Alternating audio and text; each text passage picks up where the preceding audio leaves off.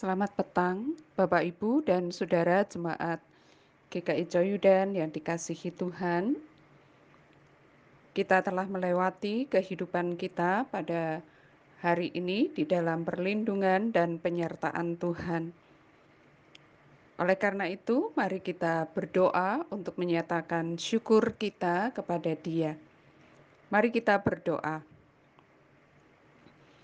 Tuhan Yesus, terima kasih untuk perjalanan hidup yang kau sertai dan kau berkati.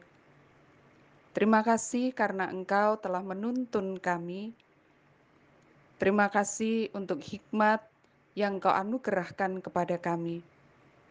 Terima kasih untuk begitu banyak aktivitas yang sudah kami lakukan pada hari ini, dan kiranya dari semua yang kami lakukan, Engkau dipermuliakan. Bapa di surga, pada kesempatan petang hari ini, kembali Engkau berkenan untuk menjumpai kami melalui sapaan firman Tuhan.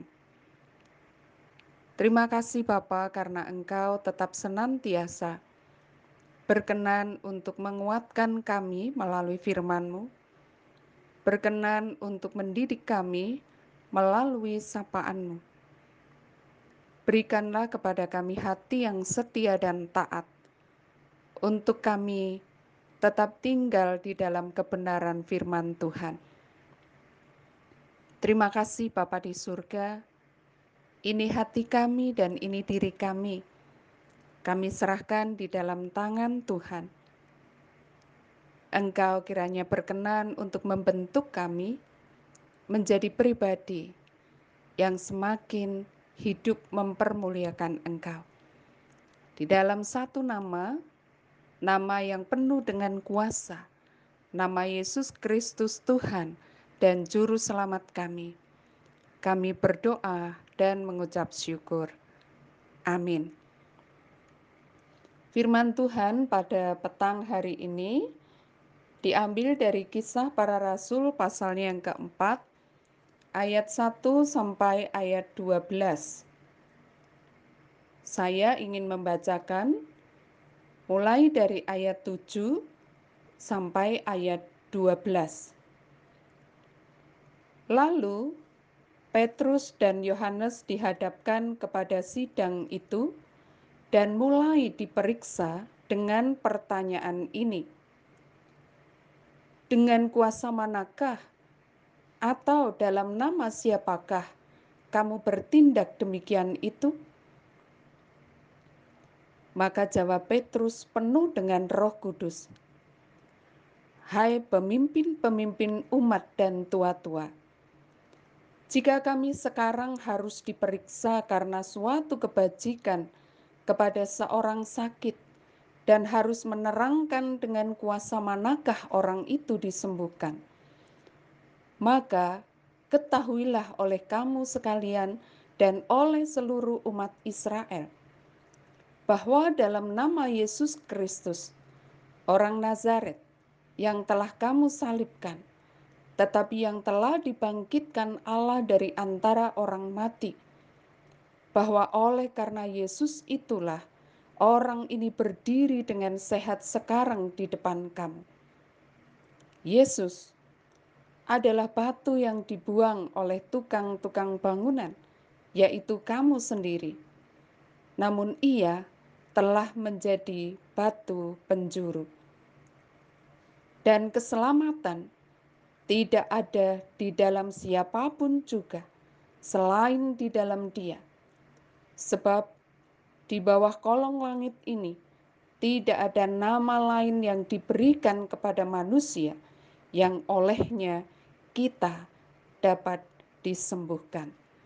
Demikian bacaan firman Tuhan pada petang hari ini. Bapak, Ibu, dan saudara-saudara yang dikasihi Tuhan, kalau kita bicara tentang memberitakan Yesus, maka sering kali pertanyaan yang muncul adalah bagaimana caranya, dan apa yang harus diberitakan. apa yang harus disampaikan. Mungkin bukan hanya banyak orang yang memiliki pertanyaan seperti itu, tetapi mungkin juga kita termasuk di dalamnya. Bapak, Ibu, dan saudara-saudara yang dikasihi Tuhan, Petrus dan Yohanes adalah orang-orang yang memberitakan siapa Yesus itu. Bagaimana caranya? Mari kita melihat dari teks yang kita baca pada petang hari ini.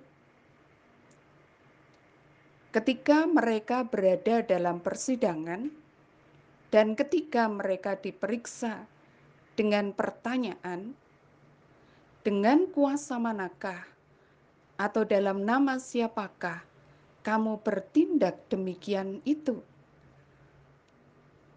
Petrus memanfaatkan kesempatan itu untuk memberitakan siapa Tuhan Yesus sesuai dengan apa yang dialaminya, yang disaksikannya, yang didengarnya.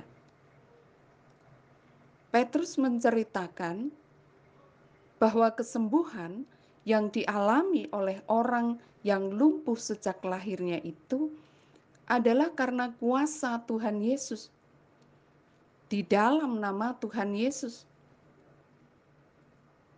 Dan bukankah memang seperti itu kejadiannya? Yesus yang sudah disalibkan, tetapi yang bangkit dari antara orang mati. Yesus yang bukan hanya menyembuhkan orang lumpuh dan bisa berjalan, tetapi lebih daripada itu, Yesus yang mampu memberikan keselamatan kepada manusia, dan tidak ada nama lain yang bisa menyelamatkan selain di dalam namanya. Apa yang dialami oleh Petrus ketika dia berkata, "Demi nama Yesus Kristus, orang Nazaret itu, berjalanlah. Itulah yang diberitakan. Petrus juga memberitakan Yesus dengan menceritakan apa yang disaksikannya ketika Yesus disalib, ketika Yesus bangkit, ketika Yesus membuat orang yang lumpuh sejak lahir itu berdiri dan berjalan, bahkan melompat. Demikianlah Petrus memberitakan siapa Yesus. Bapak, Ibu, dan saudara yang dikasihi Tuhan, dalam perjalanan hidup kita bersama Tuhan, tentu sudah banyak yang kita alami dan kita saksikan. Entah itu terjadi kepada diri kita secara langsung, atau bahkan mungkin kita menyaksikan perbuatan-perbuatan besar yang Allah lakukan kepada orang lain. Nah, sudahkah kita memberitakannya? Atau kita simpan dan kita nikmati sendiri? Hal yang paling utama dalam hidup kita sudah diberikannya, yaitu keselamatan dalam nama Tuhan Yesus perbuatan-perbuatan ajaib yang Yesus lakukan bagi kita juga tak akan pernah habis untuk diberitakan. Karena itu, beritakanlah supaya banyak orang mengenal Dia dan mempermuliakan Dia. Banyak orang diselamatkan karena namanya.